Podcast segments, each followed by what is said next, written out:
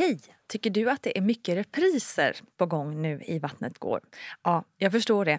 Det beror helt enkelt på att jag, Nina Campioni, just nu har en pop-up second hand i Modgallerian i Stockholm. Så min tid räcker helt enkelt inte tid att göra så många avsnitt som jag hade önskat. Men tills jag är tillbaka på full tid, kom gärna och hälsa på mig i Modgallerian. Vi ses! Såg att jag hade inte hunnit måla naglarna som jag ville. Men gud, Nej. då får man inte komma in på förlossningen Nej, jag, vet du jag hade hört det. Så det var det. Bara att sätta sig och göra en liten manikyr mellan verkarna. Varmt välkommen kära du till ett nytt avsnitt av Vattnet går med mig Nina Campioni. Så glad jag är att ni vecka efter vecka tittar in till den här podden. Tacksam och lycklig blir jag också över er feedback och era förslag på gäster. För en av dem som ni önskat tar idag plats i intervjustolen. Eller ja, i datorskärmen ska vi väl säga. För det blir ju lite så nu i pandemitider att vi många gånger får spela in digitalt. Och ja, det blir ju inte bäst ljud då, men det blir i alla fall en podd och det hoppas jag är huvudsaken. Anywho, veckans gäst är ingen mindre än Hanna Hanna P. Person. Nej, Persson heter hon ju faktiskt. Yay! Och här kommer berättelsen om hur Nisse, som nu är tre månader gammal, kom till världen. Det blir snack om hur man navigerar som förälder som offentlig person. Om bristningar, foglossning och mycket, mycket annat. Som vanligt är barnmorskan Gudrun Abascal med på ett härligt hörn då och då. Men nu, välkommen Hanna Pi!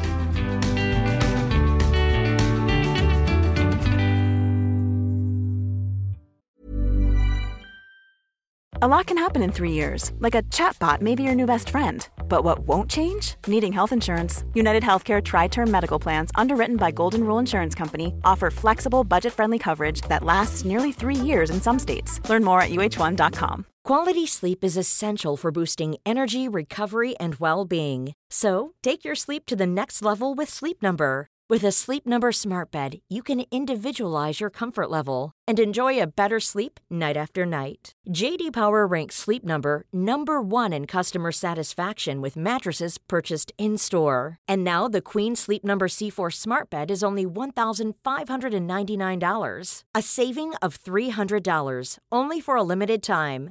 For JD Power 2023 award information, visit jdpower.com/awards. Only at Sleep Number stores or sleepnumber.com.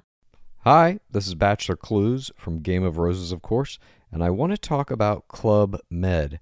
Everybody knows Club Med has been the pioneer of the all inclusive resort since 1950, with almost 70 resorts worldwide, ranging from beachside destinations in the Caribbean and Mexico to exotic locations like the Maldives and Morocco, or even the mountain destinations like Japan and the European Alps. Dine on delicious gourmet cuisine, enjoy more than 20 activities, and make memories with your family. For more information, visit clubmed.us or call 1 800 Club Med or your travel advisor. Hey, I'm Ryan Reynolds. At Mint Mobile, we like to do the opposite of what Big Wireless does. They charge you a lot, we charge you a little. So naturally, when they announced they'd be raising their prices due to inflation, we decided to deflate our prices due to not hating you. That's right. We're cutting the price of Mint Unlimited from $30 a month to just $15 a month. Give it a try at mintmobile.com slash switch. $45 upfront for three months plus taxes and fees. Promote for new customers for limited time. Unlimited more than 40 gigabytes per month. Slows. Full terms at mintmobile.com. Du, hur gick dina tankar på det här kring att bli förälder och någons mamma? Eh, nej men, jag har väl alltid tänkt att jag vill bli det. Eh, alltså du vet när man var barn. Alltså det är väl en självklarhet på något sätt. Eller för mig. Jag tänker det kanske inte hade för alla då. Men, men det, det har man väl sett framför sig. Sen så tyckte jag liksom att åren gick. Och att jag liksom har haft samma kille i 15 år. Eh, vi träffades ju redan på gymnasiet. Eh, så att åren gick. Jag hade liksom en stabil relation mer eller mindre. Sånt där går också lite upp och ner och sådär. Krisigt mm -hmm. ibland. Men de senaste åren så eh, hade det liksom varit stabilt och sådär. Och ändå kände jag nog inte någon så här Gud, jag, ska, jag måste skaffa barn nu. Eller liksom något sånt där barnsug. Och jag hade ändå några kompisar som hade börjat snacka om barn. Och så här, några som blev gravida, några som fick barn. Och då kände jag liksom, vad fan, har ni nöjt er? Vad, mm. alltså jag, min, jag vart ju arg.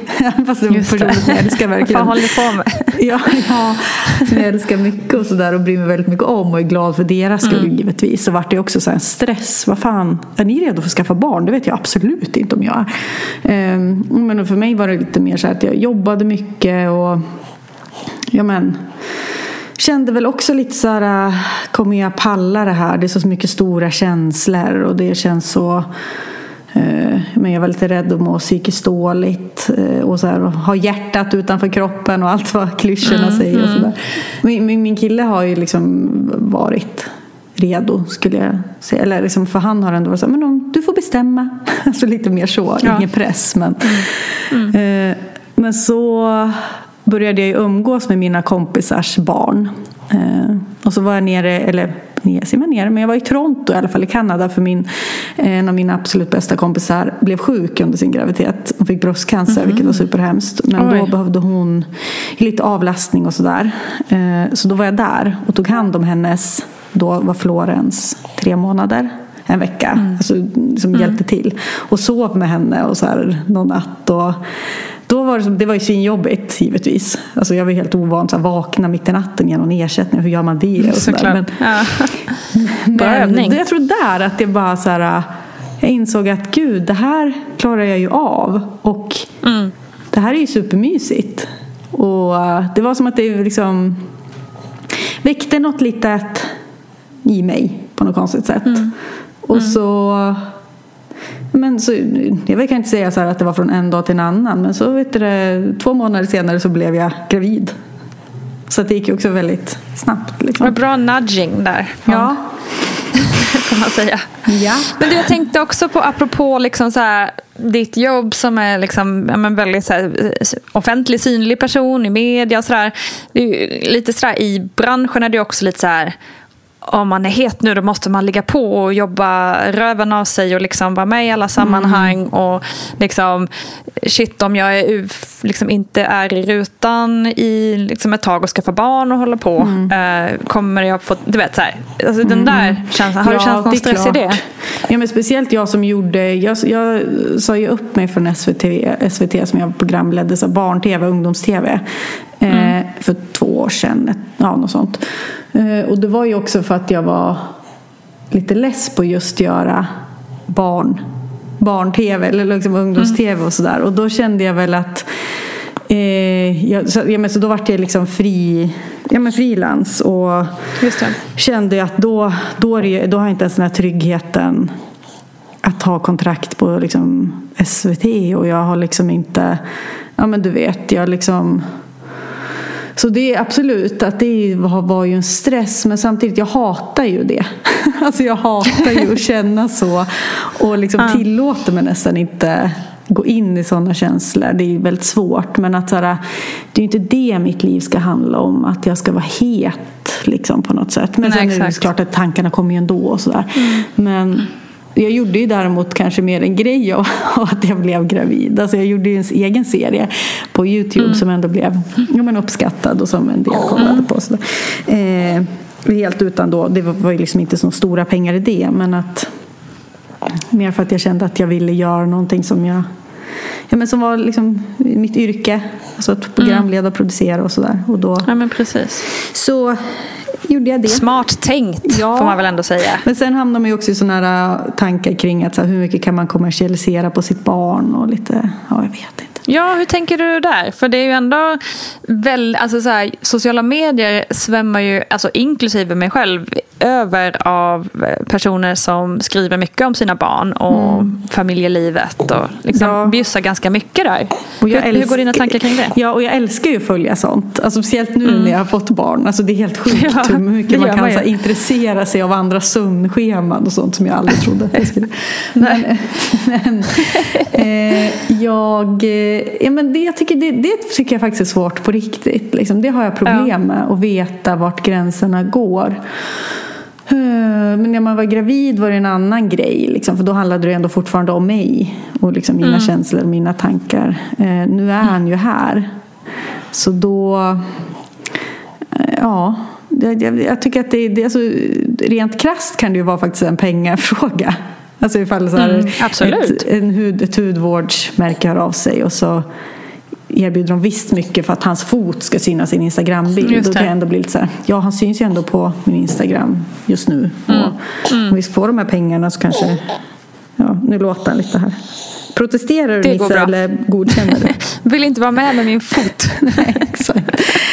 Men det där, är- man får ju tänka, jag tänker att jag ska inte så här lägga upp så mycket om... Jag skulle aldrig lägga upp när han gråter till exempel. Eh, Nej. Eller typ en bajsblöja. Eller så här, vissa saker som jag känner... Jag har absolut Lite integritet liksom. Ja, precis. Eh, där kan jag bli lite så mot han. Att, sen ska ju folk som lyssnar på det här som gör det ska inte få ångest. För att jag menar man är olika. Men, Absolut. men eh, och det kan ju finnas ett värde när jag följer folk och de visar att bebisen gråter. Då kan man ju känna så här, oh, skönt, det är inte bara min unge som Exakt. gråter varje kväll. Nej, för det är ju precis, det är ju där som är en sån hårfin linje liksom att väldigt mycket man ser på Insta gör ju att man känner sig mindre eh, ensam i saker man själv går igenom.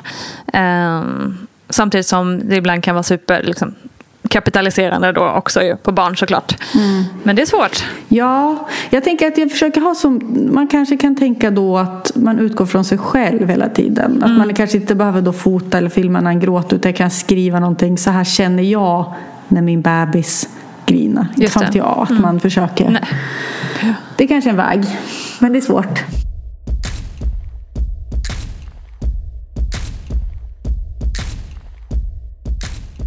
Men du, eh, hur mådde du då? Efter de där två månaderna när du hade plussat. Ja, nej men bra. Vilket är ju kanske provocerande att säga. Eh, Nej, det tycker jag inte. nej Det måste bra. man ju få må också. Ja.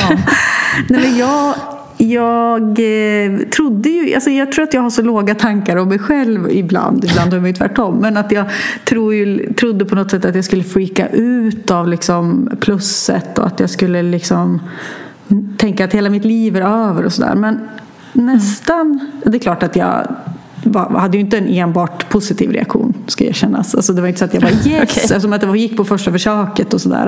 det ju- Men, men eh, jag var ju lite så... Ja, men på kvällen minns jag att jag, när jag hade landat i det mer, för att det var på dagen som jag tog den där, det där graviditetstestet. Så när jag hade landat i det så, tänkt, så kände jag direkt att så här, men, ja, men just ja, det är det här jag har väntat på. Alltså det här har jag ju... Alltså att jag, liksom, det kändes verkligen som ja, bra. Liksom. Eh, och sen så mådde jag ju bra. Lite, mådde lite illa. Eh, men jag mådde väldigt psykiskt bra. Jag vet inte om jag fick någon hormon som saknades annars. Jag. Men jag, Mådde du bättre än vanligt? Liksom? Ja, alltså mitt psyke mådde bättre. Det kan också vara för att jag älskar att liksom vara på väg någonstans. Att det är liksom framåtblickande hela tiden. Att det, för det här är ju verkligen i graviditet såklart. Att det är så tider. Ja, du vet. Så att då tror jag att jag mår, mår bra av att ha det så. Eh, Men sen så var det såklart piss med foglossning och kände mig ful. Eh, Min mage var ju enorm, gick upp 25 kilo. Eh, Ja, fick massa bristningar. Det mådde jag jättedåligt över även fast man inte borde det givetvis. Men det är svårt att styra. Nej, men det där är också intressant med bristningar. Det är någonting som vi säger ju det hela tiden att man ska vara stolt över sina bristningar Mm. och de är fantastiska men det är inte så himla lätt. Nej. Hur har dina tankar gått där? Nej men det är nästan svårt att prata om för att jag vet ju liksom intellig, alltså, vad ska man säga, logiskt sett eller så intelligens, intelligensmässigt att det spelar ju ingen roll och nu är han ju här och det skulle ju göra vad som helst med Nils och sådär. Men samtidigt vill man ju vara snygg. Alltså jag blir lite så här i mina värsta mörkaste stunder har man ju tänkt lite så här, tänk ifall Anton skulle dumpa mig eller Nej, men jag vet inte, ska, skulle jag vis, vilja visa det här för någon annan? För jag, inte- jag tycker inte att det är fint. Rent, alltså, för att jag är ju skadad av någon norm så ser jag att man ska ha platt. Mm, ja, ja. Liksom, Det är vi ju eller alla. Slät mage på något sätt. Varför, liksom, varför får man bristningar och finns det egentligen någonting man kan göra för att förminska dem? Alltså hudbristningar, det ser man ju även på kvinnor som, och även på män som inte är gravida. Om man är väldigt, väldigt överviktig och fet så kan man ju få sådana här Mm. bristningar också. Men idag så, så tycker jag ändå att man har så säger nu vi att det här är hormonellt betingat så att säga. Och varför vissa kvinnor får mera så kan ju få jättemycket sådana här hudbristningar Mm. och andra kvinnor får ingenting. Jag tycker att det, att det här var me- mera vanligt förr i tiden. Fråga mig inte varför. Jag kan alltså min erfarenhet Mm. säga att jag tyckte att det här med hudbristningar var, var vanligare. Så att säga. Och det är väl, eh, sen vad man kan göra, jo, alltså att man kan, kan då smörja med, med olika krämer tror jag. För det, att om det har någonting med elasticiteten i huden att göra och så vidare. Men jag kan inte ge något riktigt bra svar med så att jag brukar rekommendera då någon, någon eh, mandelolja eller någonting som smörjer så, att, så att huden blir mjuk så att säga. Så. Mm. Men det finns inte så mycket liksom, tydliga vetenskapliga bevis på att något funkar egentligen. Nej, så det är ju ingenting som är fel, men det är ju inget, det är ju inget roligt. Ofta så blir, kan ju de bli ganska fula under, under tiden som man väntar barn, att de blir röda och uttalade och så vidare. Och sen när man inte är gravid längre, så då går det tillbaka och de blir vita, men de finns fortfarande kvar. Så att, säga. att de, de blir inte lika, inte, det syns inte lika mycket av dem, men att de kan vara kvar. Just det. Eh, Men det ska ju sägas att det var ju värre under graviditeten. Sen liksom när han, nu när han har kommit så är man ju så uppe i det och så här, alltså, imponerad av sin kropp på andra sätt. Liksom, Att man kan amma och att... Ja, jag vet inte. Liksom, Jo, man får ju mer perspektiv av barnen. Eh, eller hela, hela grejen med förlossning och som du säger amning. Men också att man har någon liten som liksom skapar en helt annan eh, mening. Liksom. Men, men det är klart att det inte bara försvinner. Det är allt det där som man har lärt sig hela livet. Nej, som, är, som är viktigt liksom. ja. Eh, från en dag till en annan. Ja, men så det tyckte jag att var nästan jobbigast under graviditeten. Alltså de här bristningarna som jag bara såg. Jag kunde vakna på natten och att magen bara kliades för att den sp- alltså det känns som att huden sprack typ. Jag, vet, hade för Just lite det. hud för den där jättemagen. Eh, men sen är det väl hormonellt gissar jag väl. Men ja. Så det var jobbigt men det kunde jag inte heller riktigt prata om eller skriva om. Det går inte att skriva om sånt riktigt på Instagram för då har man ju massa människor som följer en som är så här. eh, Jag minns jag nämnde det någon gång i min blogg att jag tyckte det var jobbigt. Och var det flera som skrev så här, vadå, har inte du haft bristningar innan? Jag fick bristningar i tonåren. Det där är väl ingenting. Nu får du mig, alltså att, ju mer man liksom klagar över det, då sitter någon annan där och har, mer bristningar som ska Exakt. då må ännu sämre. Liksom. Men det är väl just den här förändringen som är jobbig då. Alltså att man, kroppen förändras och man kan liksom inte kontrollera det, det bara händer. Liksom. Nej. Nej men exakt. Det är ju det är precis det som är. Jag vet att jag tyckte det var svinjobbigt också i min första graviditet. Att, jag liksom inte, att man inte fick bestämma själv. Liksom, vad- vad man skulle orka eller kunna göra.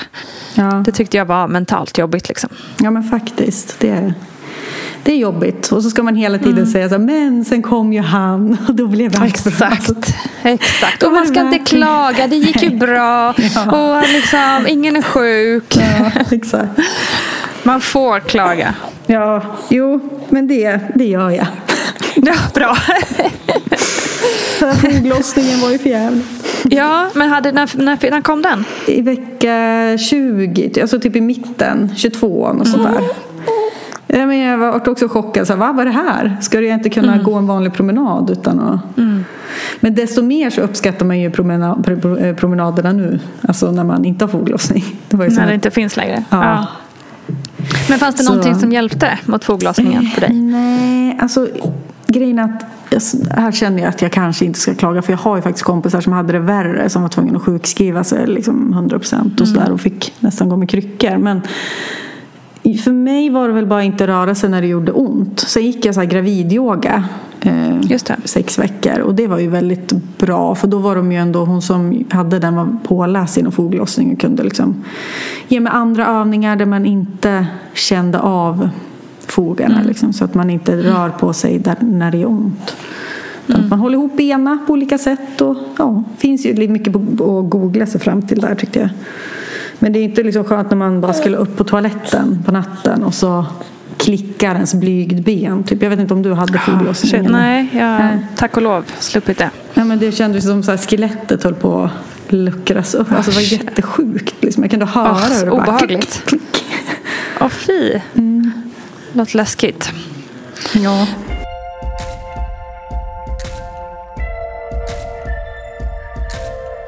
Men eh, hur gick dina tankar på förlossning och så? Var det något som du var Ja, nervös var inför? Eller hur kändes ja, det? Jag var, jag var rädd för förlossning. Eh, innan, framförallt innan jag blev gravid. Det kanske också var ett hinder varför jag liksom, det tog emot att Mm. ta det här beslutet att skaffa barn.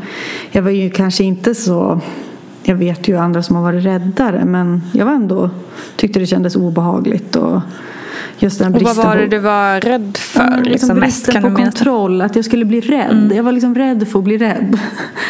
Eh, att inte kunna hantera det bara. Ehm, Men sen tyckte jag att det där blev lite bättre ju längre graviditeten gick. Och så började jag öppna den här Föda utan rädsla-boken men var också lite så här, uh, Hjälp, det här var, kan man bli så här rädd? Alltså jag vet inte, jag tyckte att den skrämde upp mig. Vilket var ju så här, ja, jag fick ju tips från alla att jag skulle läsa den. Jag så här, "Åh." Men då hittade jag den här kursen, eller jag fick tips från min killes syrra som hade gått Föda utan rädsla-kursen. Och då var, nu var det ju corona, eller det är coronatid så då fanns ju inte den gruppkursen. Men då kunde man boka eh, en liksom sån föreläsare eller barnmorska är ju som kom hem, kom hem till oss då. Så det gjorde vi. Ah, så okej. då kom hon hem hit i tre timmar. Och så fick vi, i, då var jag väl kanske vecka 34 eller något sånt. Så fick hon då hjälpa oss eh, med olika ja, men, tricks och knep och förklarade också vad en verk är och liksom hur man kan hantera topparna på verkarna. Och Just det. och vad framförallt så Antons roll, min killes roll, vad han kan vad han kan göra så att han får liksom ett tydliga verktyg ifall jag då får panik i en verk och tycker att det är jätteobehagligt och inte vet vad jag ska göra. Vad kan han göra då? Eh, typ sånt. Så då fick vi ju då lajva en förlossning. så jag satt här hemma på någon stol och skrek. jag har ju gått teater så jag tyckte att det här var väldigt kul. Ja, min, kille, min kille tyckte kanske inte att det var lika kul. Grannarna tyckte... Ja, men också, det var ju så pinsamt också för när barnmorskan var så här Ja Hanna du, du andas väldigt högt nu. Jag tyckte liksom att jag överspelade. Men tyckte du att det hjälpte då? Ja det hjälpte faktiskt mycket. Eh, För då hade man ju som en plan. Och det märkte Mm. jag liksom under förlossningen. Alltså framförallt liksom i den här latensfasen hemma. Mm. Då, då hjälpte det jättemycket. Alltså då gjorde jag ju jag såg ju mig själv som någon slags boskapsdjur som vandrade Mm. omkring här hemma och liksom bara skulle öppna mig. Eh, Så att jag gick här och råma och var liksom tung i kroppen. Och min kille liksom gick runt och sa tunga axlar, tung rumpa. Ja, ja. Önskar att det fanns en liten GoPro här så hade man fått Exakt. Det låter som ett så här härligt sektmöte nästan. Ja, men det hjälpte jättemycket, verkligen. Ja, vad skönt. Eh, Ja, och sen tänkte jag också, jag hade, jag, jag hade förberett mig väldigt mycket. Jag vet inte om det Mm. var liksom nyckeln till... Jag visste att jag inte läste den här Föda utan rädsla-boken, men jag gick den där kursen, jag gick gravidyogan. Där är ju också jättemycket Mm. andning och sådär. Att man, det hjälpte också jättemycket. Och sen pratade jag också mycket med mina kompisar som har fött. Alltså så att jag skulle få koll på lite så här, men vad händer då när man kommer in och så här, vad... Och en, en kompis som födde eh, under corona. Eh, det var också intressant för mig att veta så här, vad, var, vart liksom, blir man separerad och tar man test eller vad är det som Just sker det, så att man har koll precis. på sånt. Ja. Eh, ja, och så hade jag förberett mig mer. Jag har gjort du vet, musik, alltså mm, någon qigong-lista på Spotify. Ja. Och någon så, ja, med lite olika musiklistor. Och, ja, jag hade ändå liksom tyckte att jag hade förberett mig på det värsta också lite. Så att jag hade ju inte någon färdig bild av att så här, jag ska vara fem timmar hemma, sen ska jag åka in och då ska det här ske. Utan jag var också lite så här, ifall det blir akutsnitt, ja då, då blir det ju det. Ungen kommer Just ju det. komma ut eh, på något sätt. Och att det oftast går det ju bra.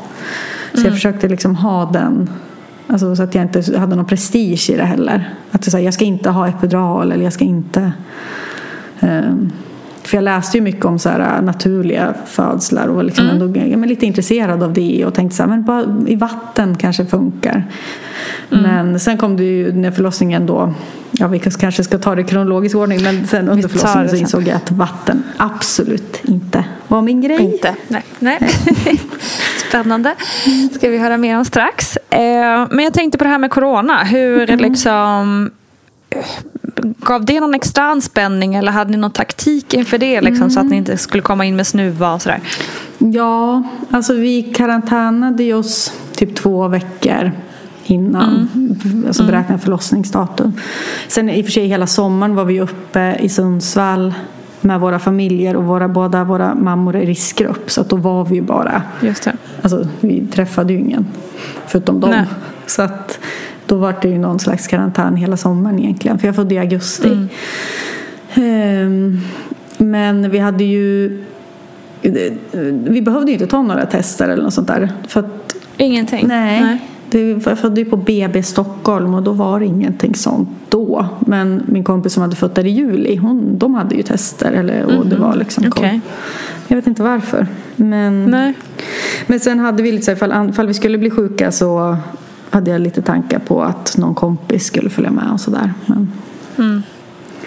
ja. Men var det någonting vad ni, ni var liksom nervösa för? Att något sånt skulle ske? Eller ja, kändes det bara... alltså jag försökte. Det var så mycket. Alltså jag var mer för Mm. rädd för liksom, hur ska en bebis komma ur min snippa. Alltså det Ja. kändes som att det var liksom.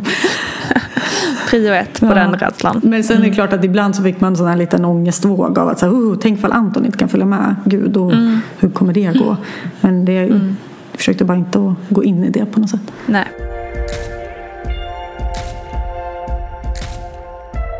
Men ska vi hoppa till eh, att det börjar dra ihop sig då? Precis. Jag födde ju 10 augusti då.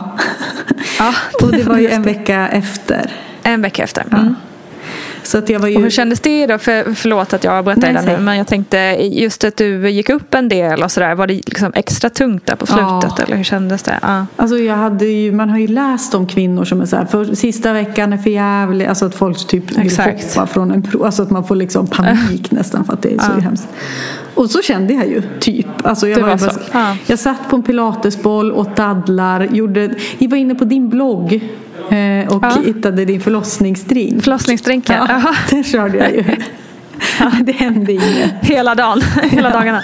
Exakt. Men jag körde den två inte. gånger. Fan. Ja, du gjorde det. Men- Ingenting. Nej, men jag tror jag körde den också så här, Ja, vecka skit också. 39 typ. Alltså jag körde Ja, lite för tidigt. det.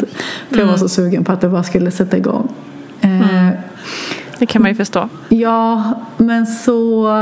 Eh, så hade vi fått punka på vår bil som, ja, men, som vi hade ändå så här, vi hade testkört till BB Stockholm och se liksom, vilken väg ska vi ta och liksom hållit på och förberett oss väldigt mycket.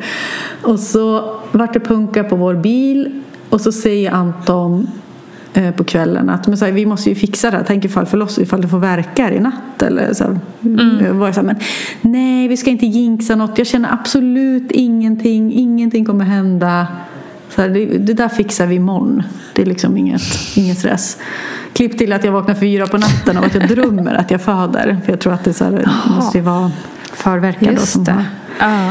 satt igång. Så att jag drömmer att jag är på förlossningen och så vaknar jag av att det gör liksom ont. Eh, Shit. och så inser jag, för att jag har haft ganska mycket förverkar och sammandragningar och sånt där. Men jag kände nästan på en gång att det här var liksom tätare och mer liksom, men att de kom, vad heter det? Eh, Mer liksom- regelbundet. Ja, regelbundet, precis.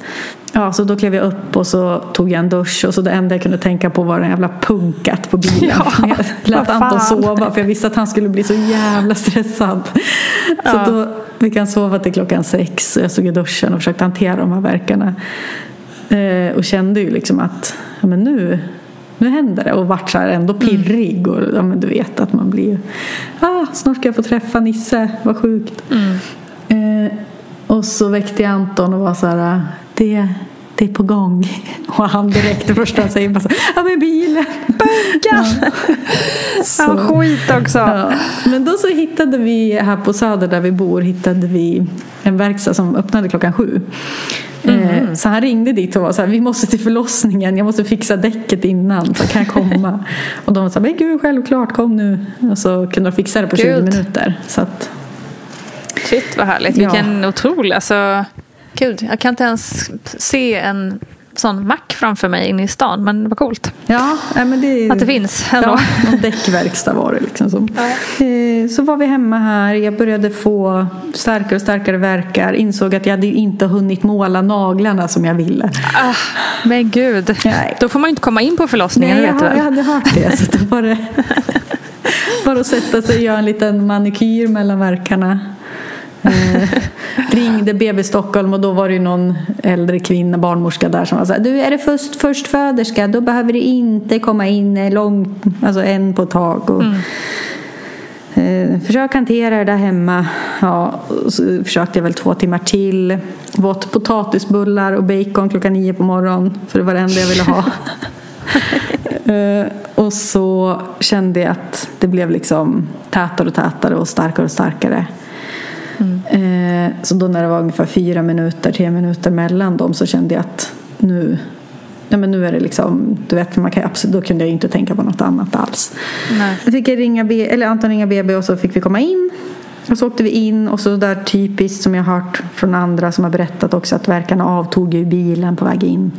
Ja, just det. Ja, så då var Oh, det lite hur här- kändes det? Nej, men då, alltså det var, jag tyckte det kändes pinsamt. Just för att jag hade nästan tjatat till mig att liksom få komma in. Att jag hade, eller liksom att Anton hade fått ringa igen och att jag kanske hade överdrivit hur täta mina verkar var. Alltså jag, fick, jag sa ju till Anton så här, nu kanske jag var uppe en, en millimeter. Det är skit. Mm. Alltså att jag, Just det. Och som kvinna ska man ju inte vara till besvär. nej, Eller hur?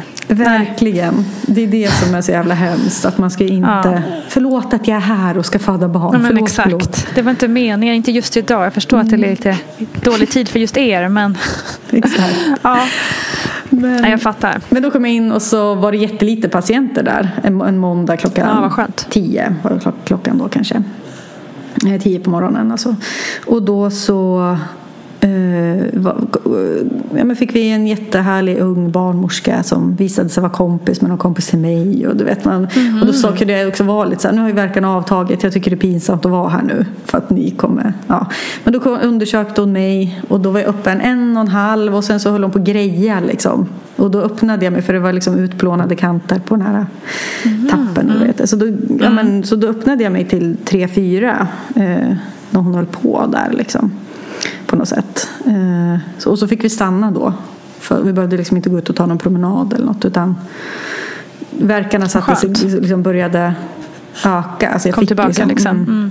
Och väldigt starka verkar fick jag då. Och då så var jag så här, jag vill ta ett bad. Och så tappade de upp ett bad där. Eh, för det fanns badkar på rummet och tände något sånt där elektriskt litet ljus. Så fick jag lägga mig där.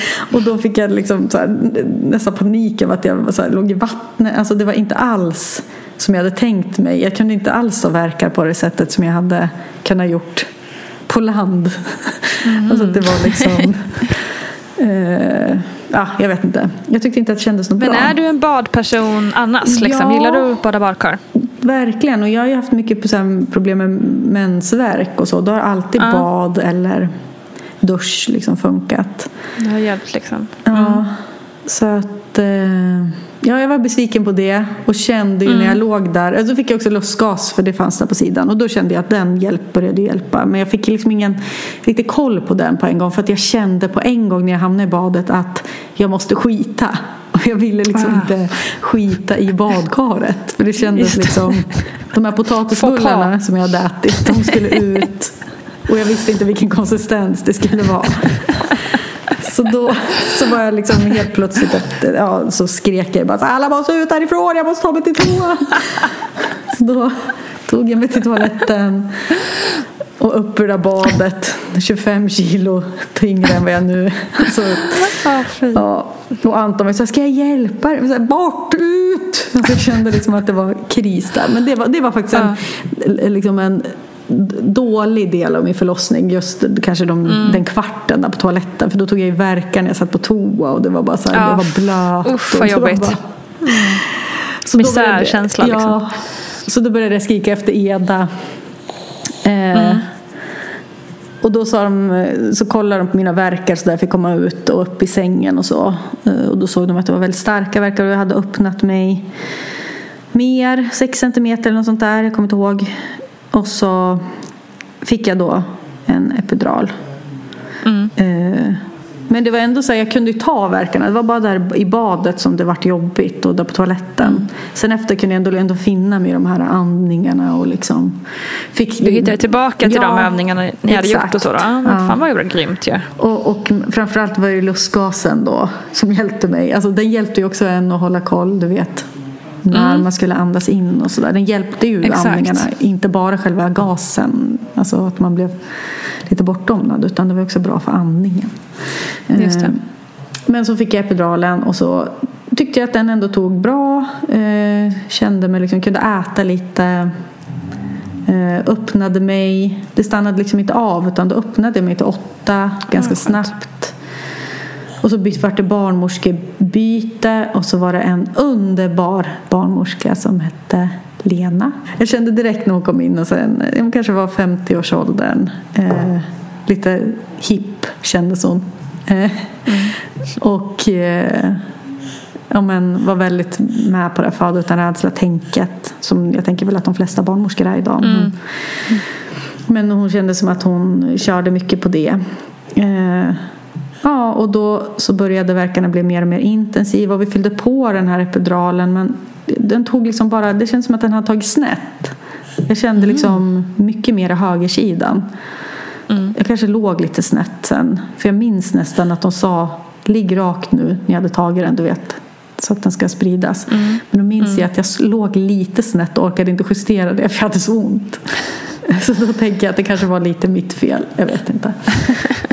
Men eh, eh, Hanna fick en eh, epidural som så att säga tog snett. Eh, kan man blamea den mänskliga faktorn här så att det blir så? Eller, och, och kan man ta om en sån bedövning så att den tar rätt? Ja, alltså det, det är en viss procent av ryggbedövningen, alltså epiduralen som man, vi säger tar snett. Att man blir bedövad på ena sidan och så får man, känner man smärtan på andra sidan. Och det beror ju på att när man, vid en ryggbedövning så för man ju in genom en grov nål en fin slang som lägger sig i så kallade epiduralrummet. Och då gäller det att den kommer ligga precis på mitten, så att, för man har ju nerver på båda sidorna som går ut, som förmedlar smärtan. Och då kan den komma lite snett, så att då när man sprutar bedövningsmedel så hamnar det bara på ena sidan och blockerar smärtan där, men inte på den andra. Blev det tydligt? Absolut. Så, att, så, att, så att visst, eh, visst kan det vara så. så att, eh, Eh, och det är ingenting som man eh, liksom kan säga i förväg liksom hur att, att det blir så, utan man märker det på att, att mamma säger att eh, så här är det. Och då brukar det vara så att narkosläkaren, för narkosläkaren är fortfarande kvar då så att man kan se kan dra i den där, ofta så kommer lite långt och att dra tillbaka den, då kan den lägga sig till rätta så att den ligger rakt och så fyller man på igen. Eller alternativet är också, jag har varit med om att man börjar om från början, att man tar bort alltihopa och så börjar man om och så får man den på plats. Så det går att åtgärda så att det är ingenting som man ska bara säga att nej, det går inte att åtgärda. Det Nej, det. En bra narkosläkare klarar det här bra. Precis, och då är det viktigt eh, att som kvinna att liksom säga ifrån att man fortfarande har ont på ena sidan och inte tro att det är så det ska vara. Liksom. Nej. Och vad man kan också göra då ifall, om man känner att det kanske har tagit lite grann, men den sida då som man har ont på, att man lägger sig på den sidan, förstår du? Ja, Att om- att det rinner över. Ja, så att den rinner Ja, över på den sidan. det. Det. är bara sånt där knep som det. om, om kvinnan känner nej, men det, det har tagit bättre på höger sida och lite sämre på vänster sida. Ja, men lägg det på vänster sida då så kan vi se om vi inte kan få den att fungera. Mm. Just Så det. det är väl ett tips man kan Bra göra. tips. Så då hade jag ändå lite, ja men det var liksom inte helt optimalt hur den där bedövningen tog. Jag Eh, förstår. Men då satte jag mig på någon sån här pall. Du vet sån här som ser ut från 70-talet, någon liten träpall. Exakt. Och där fortsatte jag att skita. det var liksom inte slut där. Och det är kul för att jag så här, när jag pratat om sånt, alltså in, när jag var gravid och pratade om förlossning i min blogg och så, så fick jag en del kommentarer om så här, gud jag är så himla rädd för att så här, bajsa på förlossningen. Och jag kände så här, jag är rädd för mycket, men just det var jag verkligen inte rädd för. Alltså för att Nej. jag tänkte så här, "Det- men det gör väl många och Det är väl ingenting man ska skämmas för. Jag liksom är inte så pryd Nej, med just sånt. Men när jag satt där och jag tror på riktigt inte att någon har skitit så mycket som jag gjorde. Alltså det var liksom, hon undersköterskan fick torka på golvet. Alltså det var liksom, det var, jag vet inte vad som hände. Jag minns att jag frågade också Anton som satt på huk bakom mig. Och jag bara såhär, luktar det mycket? Han sa, ja men kanske lite. För att jag kände liksom hur det bara Ja, det var hemskt. Hon sa ju, och så bad jag också om ursäkt flera gånger. Så här, förlåt, förlåt. Men den där barnmorskan var ändå skön då. Och så, ja, han är den första som bajsar på förlossning. Alltså hon skämtade då. Ja. Ja. Eh, Nej men det, är- det, är, det, är ju rätt kul för oftast är det ju så här. Jag är helt hundra procent att jag också har bajsat när jag förlo- Mm. äh, fött båda mina barn. Men det inget varken jag har märkt av eller någon av de barnmorskorna och sjuksköterskorna sagt. Nej. Utan de bara så här, nu byter vi, liksom bara swoosh, Ja. händer något snabbt. De bara torkar på något vis. Man nästan liksom, man förstår att nu torkar de bort någonting. Det kan ha varit en flytning Ja. eller blod, men det kan också ha varit, rimligtvis var det bajs. Men det är så här bara, mm, så Ja, bara ja, men det var precis, ingen som såg eller hört så. någonting. Så smidiga. Men jag tror att då har du nog inte, då sket du nog inte lika mycket som mig. För det här gick exakt inte att lika mycket som du. Jag satt också på den här pallen. Jag tror det är att jag såg liksom hur ja, Ja, det kom det. där. Det var kanske inte så bra. Mm, Jag är ledsen för alla er som är känsliga nu som lyssnar. Men det var det, Ja, var fast det, det som hände. känns också som ett viktigt ämne att det hör till. Liksom. Ja. Och det, jag tänkte ju någonstans när det hände så tänkte jag också, ja men det är väl typiskt mig då. Alltså att jag kunde liksom gå ut utanför mig själv och se det utifrån. Och så, Ja. Det här kan ju bli bra poddämne till min podd. Alltså, Exakt, är liksom- exakt. Det här kommer jag sätta rubrik på. Ja, exakt. Ja, men eh, då hade jag i alla fall, just det, vattnet hade ju inte gått som den här podden Okej. heter. Eh, vattnet, eh, det liksom gick ju aldrig Alltså hemma eller liksom Nej. det- Jag var ju öppen 8 centimeter men det var ju fortfarande hinnorna var intakta. Liksom. Men så kände de att det var väldigt spänt så då eh, så liksom väntade vi på att vattnet då skulle gå. Och då var ju det en sån otroligt befriande känsla när jag kände liksom att det fluff, att det liksom gick. För då eh, men det är klart att man kan väl ta hål på det där men det, kände, det var väl ändå bättre att det skedde Det behövdes naturligt. liksom inte. Ja men precis. Eh, och då efter det, då var klockan kanske fyra. Jag hade hållit på sedan tio. Eh, och var helt, ja men jag var liksom helt öppen då. Eh, Och då någonstans, jag vet inte om det blev miss i kommunikationen eller något. Men jag tänkte ju då att nu jävlar ska jag krysta ut den här ungen. Nu har vattnet gått, jag är helt öppen, nu kör vi. Medan Ja. Barnmorskorna var ju liksom, han måste ju ner i kanal, eller vad det heter. Just det. Liksom, rotera. Ja, eller de liksom tyckte vad- att det var viktigt. Liksom. Ja. och det, hade jag, det visste ju jag innan. Jag hade, eftersom jag hade läst så mycket om förlossningar så tänkte Mm. jag, jag hade koll på det. Men där och då så kändes det bara som att ja, men nu ska han ut. Nu är det dags. Liksom, jag orkar inte Mm. Det det är här bara mer. sista kvar. Ja. Eh, Medan de försökte väl då på något fint sätt så här, ja men kämpa på Hanna men det är lite, du ska inte kryssa än. Liksom. Jag sa, men jag vill kryssa. Mm. De bara, är det verkligen krystvärkare? Jag bara, jo, men jag tror inte att det var det. Det var liksom mer jag som bara ville trycka på. Eh, och så... Kanske var mer bajs som ville ut. Ja, exakt. det som skulle ske först. Nej, men då eh, började, ja, men satt jag väl där någon timme. Jag kommer inte ihåg riktigt. Men jag minns att det var jobbigt. Eh, Och att jag kände ju sådär mer på högersidan där. Och, eh, sen fick jag ställa mig lite olika ställningar. Jag stod på knä på golvet mot sängen. Och så var de lite såhär, men nu är det lite svårt att se Nisses eh, hjärtljud. Alltså, För du eh, rör dig så mycket. Alltså det gick liksom inte på den här som man har på magen. Så då ville de sätta in en sån här, du vet, tråd, metalltråd mm. på hans huvud. Och det här kommer jag typ inte ihåg för jag tror jag hade så jäkla ont här så det är liksom en dimma. Men jag har något litet minne så kunde man ju läsa det här också och Anton berättade att jag, Mm. då, det vägrade jag. För jag, jag, hade ju läst någonting innan att så här, det kan störa barnet. Och jag kände liksom att jag orkade inte att de skulle in i min snippa och in med den där tråden. Och jag, jag, jag var också konstigt, greja, liksom. Ja, jag var så konstigt säker på att han mår bra.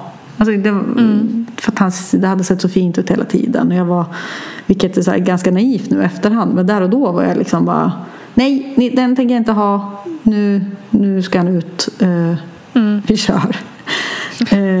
Är också lite otypiskt mig, tänker jag. För att jag som sagt kan vara lite mer ursäktande. Men ja, jag hade väl ont och kände bara att nu men så då var jag tvungen att lägga mig för då ville de ju ändå ha koll på hans hjärtljud. Så då var jag tvungen att ligga liksom still i sängen eller still, men ligga Just på det. rygg liksom. Mm. Eh, och då började det ondare och ondare. Eh, men de såg att han mådde bra. Eh, fick ligga lite på sidan och hålla på där. Och, och då, så kom han ju ner i kanalen. Och liksom, eller han var liksom redo att komma ut. Men han fastnade liksom bakom mitt bäcken. Så det Aha. var det som hände då. Då var klockan typ sex, sju någonting. Och då satt han ju fast där. Och då började jag då försöka krysta. Eller då liksom skulle kryssningsarbetet sättas igång. Så att han skulle förbi den där lilla. Det var som en liten kant som hans huvud satt bakom. Just det. Eh, ja, och det gick ju verkligen inte att få ut han där. Alltså jag krystade, krystade. Barnmorskan Lena stod liksom med, mellan mina ben med en handduk runt midjan och jag höll i den här handduken så att jag liksom fick stöd och låg med benen i gynposition. Och bara truck och truck och truck och kände som att jag, så här, ögonen skulle ploppa ut ur kroppen. Typ. Alltså, du vet, jag var så spänd. Och, ja, som säkert många andra har upplevt att det liksom man kämpar och jag liksom ja, men, kände att det var så nära att jag kunde liksom nästan känna honom åkte ut och in och ut. Alltså, liksom att det var, Han var ju så långt ner. Jag höll på liksom en timme typ mer. Eh, Ja, gud. och det gick inte. Tufft. Ja, och det var faktiskt... Jag skrek ju där, så jag orkar inte. Och jag skrek också så här, jag har för litet bäcken, jag visste det. Jag hade ju fått mig det innan. Ja, jag Ja. vet inte. Du, hur vanligt är det att krystverkar avstannar? Och varför gör de det? Ja, nu är det också en sån där fråga som så här, vi vet att de gör det men vi kan inte alltid, vi vet inte riktigt varför att det gör så. Vi, vi pratar ju om att, att det kan vara någon form av sekundär verksvaghet så att säga som det här handlar om att kroppen, att ofta så, så tycker jag att det kan börja med precis i övergången mellan öppningsskedet och utdrivningsskedet när det är dags att börja krysta, så kan det bli det här att, att verkarbetet dämpas något och ibland kanske lägger av helt. Det är precis som om kroppen måste ta tre djupa andetag, vila lite grann innan det går in i nästa skede, alltså utdrivningsskedet och barnet ska krystas ut. Så att det brukar vi förklara det med. Och sedan alltså kan, jag att ibland kan att kvinnan är väldigt eh, trött och kroppen är trött och då minskar oxytocinfrisättningen eller att det är fel barnmorska som står där om jag ska vara lite elak emot mig själv. Att hon tycker att det här känns inget bra, man blir orolig, man blir rädd och så vet man att min- minskar också oxytocinfrisättningen och, därför eh, blir på det här viset. Men jag har nog inte riktigt koll. Vi ser att det här det är inte alls ovanligt. Kanske inte att det avstannar helt, men att verkarna inte har samma kraft och, och så. så att, eh, och då får man tillföra då verkstimulerande medel. Och det kan också ibland, det är inte ovanligt att när man lägger sugklocka idag så lägger man på indikationen den här sekundär verksvaghet, alltså att krystverkarna inte fungerade fullt ut. Så att säga. En av de vanligaste anledningarna till sugklocka det är just det här att krystverkarna avstannar. Så att säga. Men bakgrunden till det hela, det kan man nog bara spekulera i här att kroppen kroppen vill eller att situationen inte fungerar bra. Jag tror mycket, har man en, är man trygg med, med situationen och med sin barnmorska så är sannolikheten mindre än att bli på det här viset än om man är orolig och rädd. Att rädslan spelar en stor roll. Eh, och så till slut så började jag då säga så här, kan vi snälla hämta sugklocka eller någonting? Kan ni, jag måste få hjälp för det går inte. Jag, kan, jag har liksom slut på krafter. Och jag föddes med sugklocka. Så att jag tänkte att det är väl ingen fara. Jag hade liksom inte läst någonting om sugklocka. Jag liksom visste knappt vad det var. Men tänkte att de får lite conehead. Men att han måste ju ut. Ja, men precis. Men så, kom, så var de lite så här, ja, jo, men vill du ha sugklocka? Absolut, vi kan testa men det du, jag märker att krafterna tar slut. Liksom, att, eh, och då kom ju då förlossningsläkare in med sugklocka och så fick jag se den där.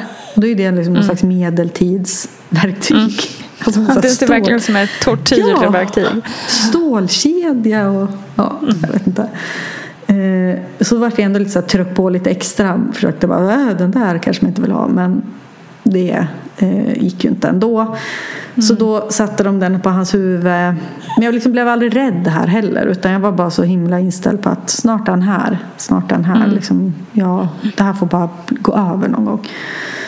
Eh, så satte de den på hans huvud. Och då avtog mina verkar givetvis. Jag hade haft jättestarka kryssningsverkar. Men så då fick jag lite så verkstimulerande dropp. Eh, och så eh, ja, men fick jag två liksom då ordentliga verkar. Så då gjorde de någonting som jag tror heter traktion. Du kanske har koll? Trak, ja. Vad sa du nu? Trak, Tra- traktion, tra, transaktion. Traktion. Nej, traktion. Ja, det heter inte transaktion. utan- Vad innebär traktion? Alltså traktion betyder att man drar, alltså i Ah, utredningsskedet. okej. Ja. Och då vet inte jag om man menar att när man lägger en sugklocka så kan man då säga att vi, det blev en sugklocka men det blev bara en traktion. Liksom, att man blev bara dra lite lätt, att man mer ledde barnet ut än att man måste använda mera styrka i det hela. Eh, Men traktion betyder ju att man drar liksom, på något sätt. Och det brukar man använda i samband med att man eh, eh, lägger en sugklocka. Cool fact a crocodile can't stick out its tongue. Also, you can get health insurance for a month or just under a year in some states. United Healthcare short term insurance plans, underwritten by Golden Rule Insurance Company, offer flexible, budget friendly coverage for you. Learn more at uh1.com. When you're ready to pop the question, the last thing you want to do is second guess the ring. At Bluenile.com, you can design a one of a kind ring with the ease and convenience of shopping online. Choose your diamond and setting. When you find the one, you'll get it delivered right to your door. Go to Bluenile.com and use promo code LISTEN to get $50 off your purchase of $500 or more. That's code LISTEN at Bluenile.com for $50 off your purchase. Bluenile.com code LISTEN. Hey everyone, I've been on the go recently Phoenix, Kansas City, Chicago. If you're like me and have a home but aren't always at home, you have an Airbnb. Hosting your home or a spare room is a very practical side hustle. If you live in a big game town, you can Airbnb your place for fans to stay in. Your home might be worth more than you think. Find out how much at airbnb.com/slash host. Hi, my name is Danny Pellegrino from Everything Iconic, and I'm excited to talk to you about Club Med. Club Med operates beach and mountain resorts and is the best all inclusive getaway for families. They have Club Med Punta Cana, their flagship family resort, and many other options in Mexico, the Caribbean, and around the world. Club Med are the pioneers of the all inclusive concept, which is the best way to vacation. Great for families, groups, or even solo travelers looking for land and water sports, delicious food, and a place to make unforgettable memories. Visit clubmed.us, call 1 800 Club Med, or your travel advisor. Ryan Reynolds here from Mint Mobile. With the price of just about everything going up during inflation, we thought we'd bring our prices down. So to help us, we brought in a reverse auctioneer, which is apparently a thing. Mint Mobile unlimited premium wireless. Ready to get 30, 30, bit to get 30, bit to get 20, 20, 20, bit to get 20, 20, bit to get 15, 15, 15, 15 just 15 bucks a month. So, Give it a try at mintmobile.com slash switch. $45 upfront for three months plus taxes and fees. Promo rate for new customers for limited time. Unlimited more than 40 gigabytes per month. Slows. Full terms at mintmobile.com. För jag tror att, jag menar att de liksom hjälper. Traktion, det är inte så att de drar ut honom helt. Utan de hjälpte. De drog, så här, de röck två gånger så här ding ding. Så, här, så att hans just det. huvud skulle förbi kanten. Och sen tog de bort den. Eh, och Alltså de hjälpte honom bara en bit där Ja, liksom. precis. Så då Ah. kunde jag krysta sen. Jag tror jag krystade kanske två, tre gånger. Sen så att hans huvud kom ut då. Alltså själv. Just det. Ja. Eh, och, och så var ju den här känslan att jag krystade då. Hans huvud kom ut. Jag hade också fått känna på hans huvud innan och kände att han hade en massa hår. Eh, Och så, så ja, men kom, han, kom huvudet ut och sen så kom kroppen som en liten fluff, fluff, fluff, fluff, fluff. Ja, sådär. Och så skrek han på en gång. Och så kom han upp på bröstet.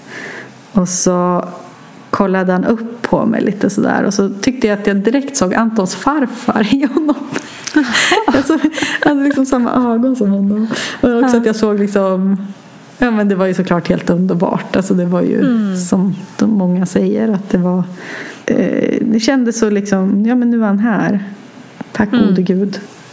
Och så, ja, men så jag minns att jag skrattade jättemycket och Anton grinade. Och, men det var inte så som många sagt att det som att när du får upp bebisen på bröstet så kommer det inte göra ont längre. Eller liksom. Ja, just det. För det tyckte jag, jag kände ju direkt att så här, fan vad ont jag har i snippan. Alltså vad är det som har skett Ja, du där kände nere? det? Ja. Ja, ja. Det kändes som att så här, ja, men, i, som att det var ett stort öppet köttsår.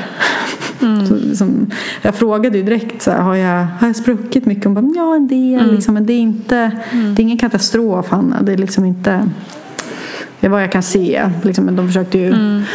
kolla då. Tryckte också ut då moderkakan. Och det tyckte jag också. Jag tyckte sånt, allt som kändes jobbigt. Jag ville bara så här, "Mm, jag orkar inte med Man vill er bara här. färdig. Ja. Nu, nu vill jag bara kolla på Nils här och vara med han. Och jag vill inte ha ont. Så jag var lite så här Exakt. besviken på att jag hade ont. Att jag inte kunde njuta fullt ut av att han var där. Jag kunde liksom inte koncentrera mig nästan på att han var- låg på mitt bröst för att det gjorde så jävla ont där nere.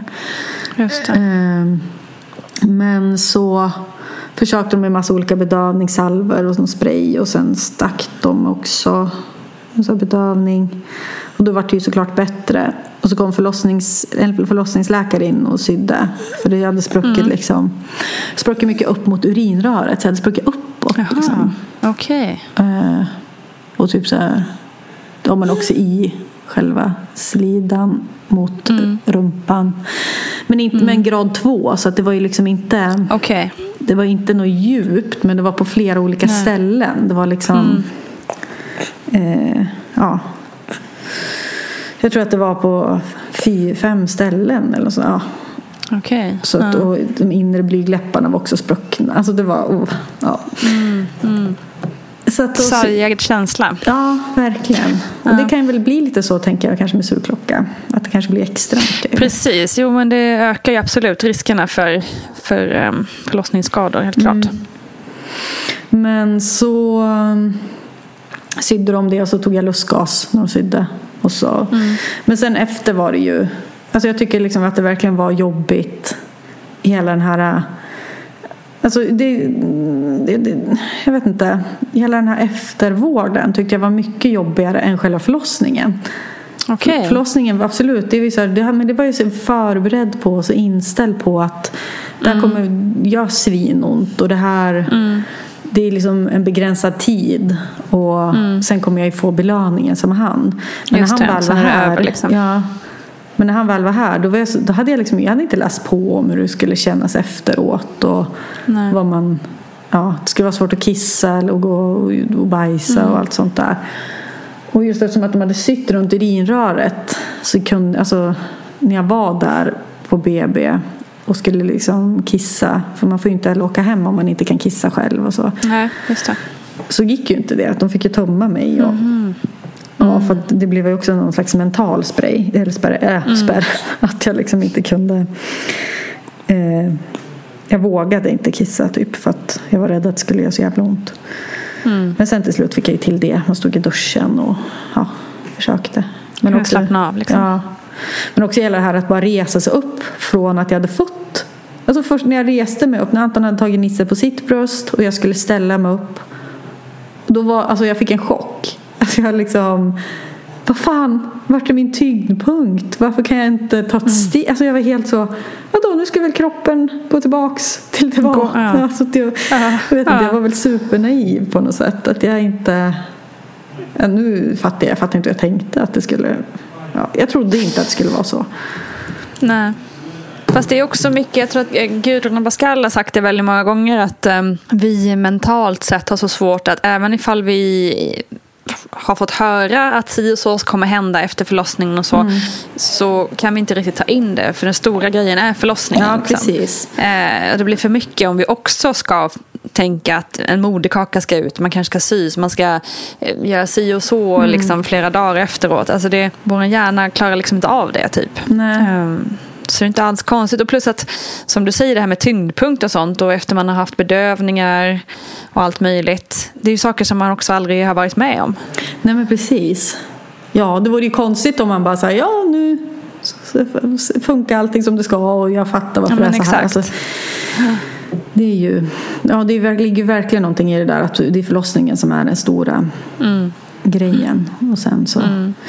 Eh, Men jag blev, jag blev liksom chockad av det där. Mm. Jag tyckte att det var riktigt obehagligt.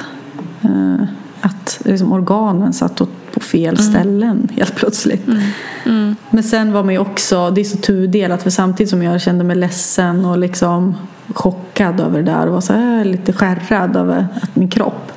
Så var man ju också så himla du vet, betuttad i hand och liksom i någon slags skimmer. Jag vet inte.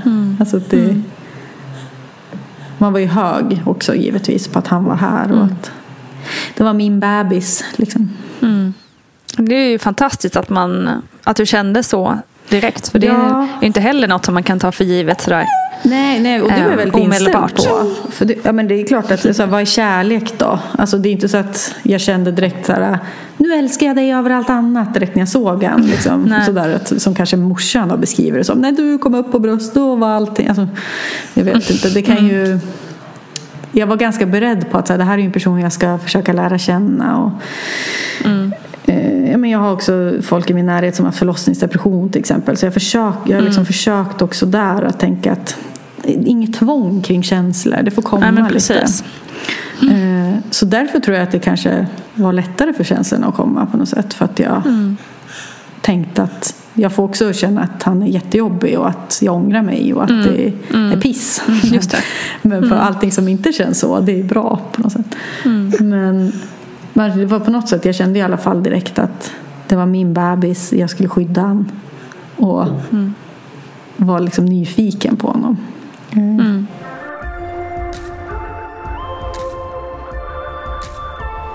När tyckte du att liksom de här värsta, den värsta chocken och de här, den här liksom värsta känslan av att kroppen var liksom något helt annat typ började avta liksom?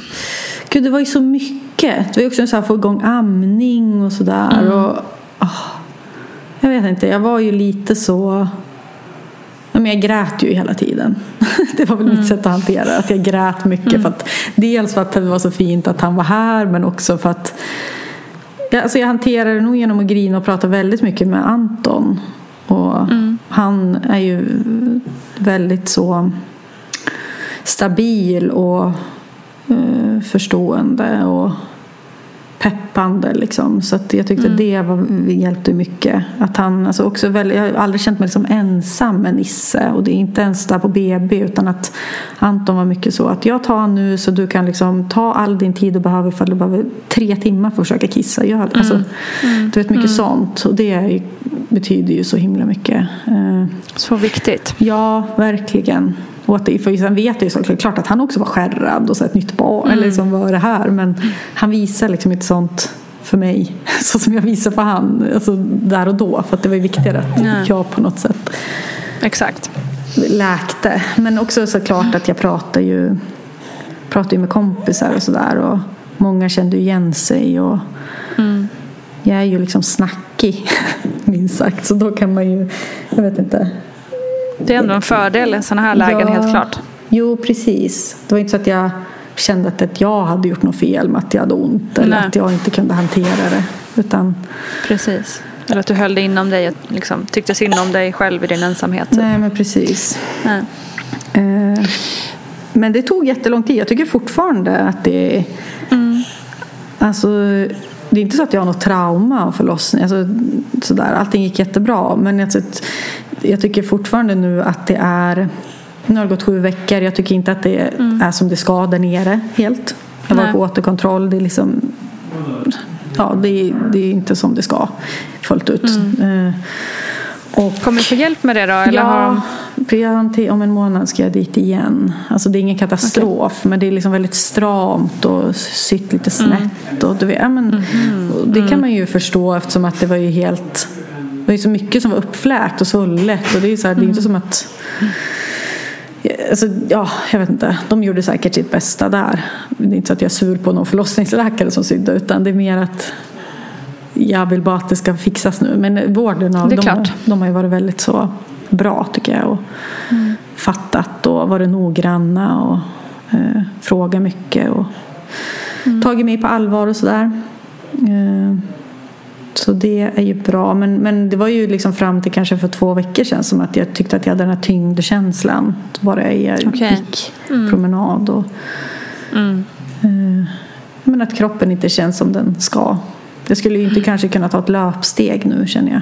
Som Nej. jag, det har jag ändå Nej men det är väl det också som man eh, så här, det, är- det, det tar tid Ja. att återhämta sig. Liksom. Eh, Och det är som sagt också en sån där grej som man eh, inte är van vid att man inte kan bestämma själv. Mm. Liksom.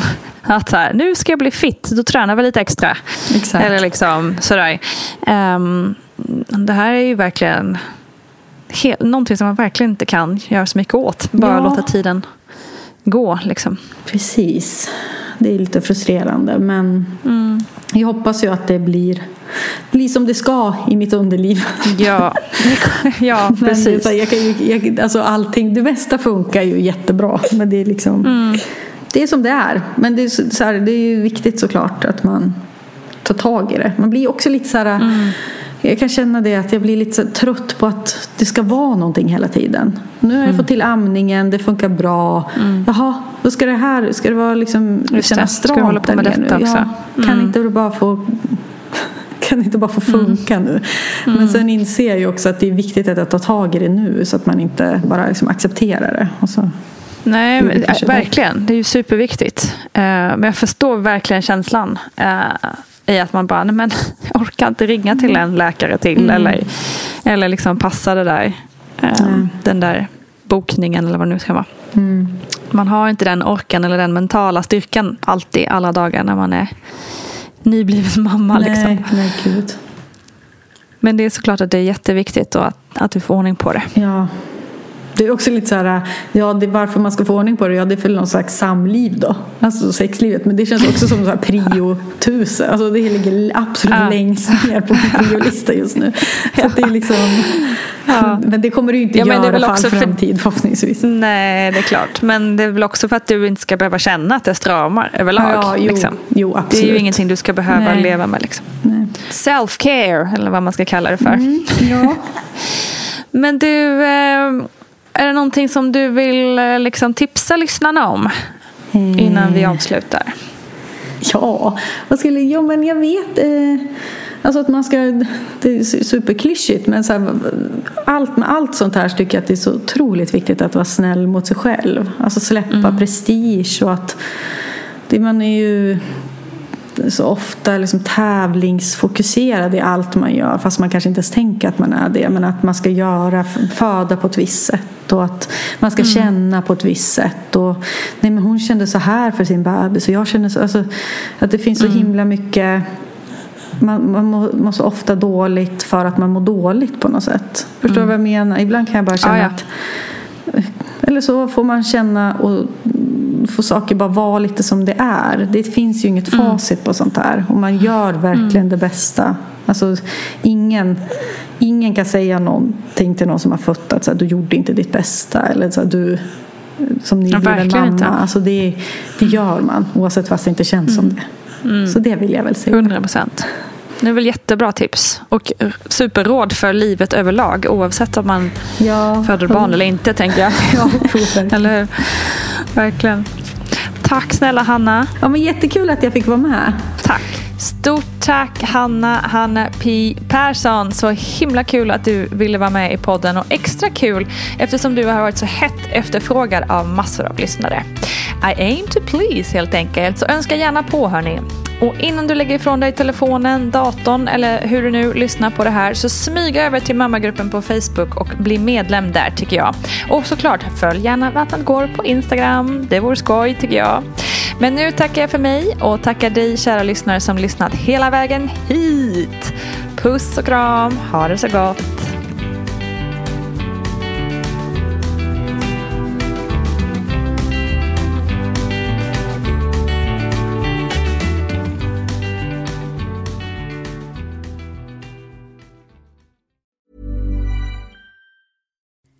Hi, I'm Kara Berry, host of Everyone's Business But Mine, and I am an all inclusive addict. Enter Club Med, the best all inclusive for you and your family.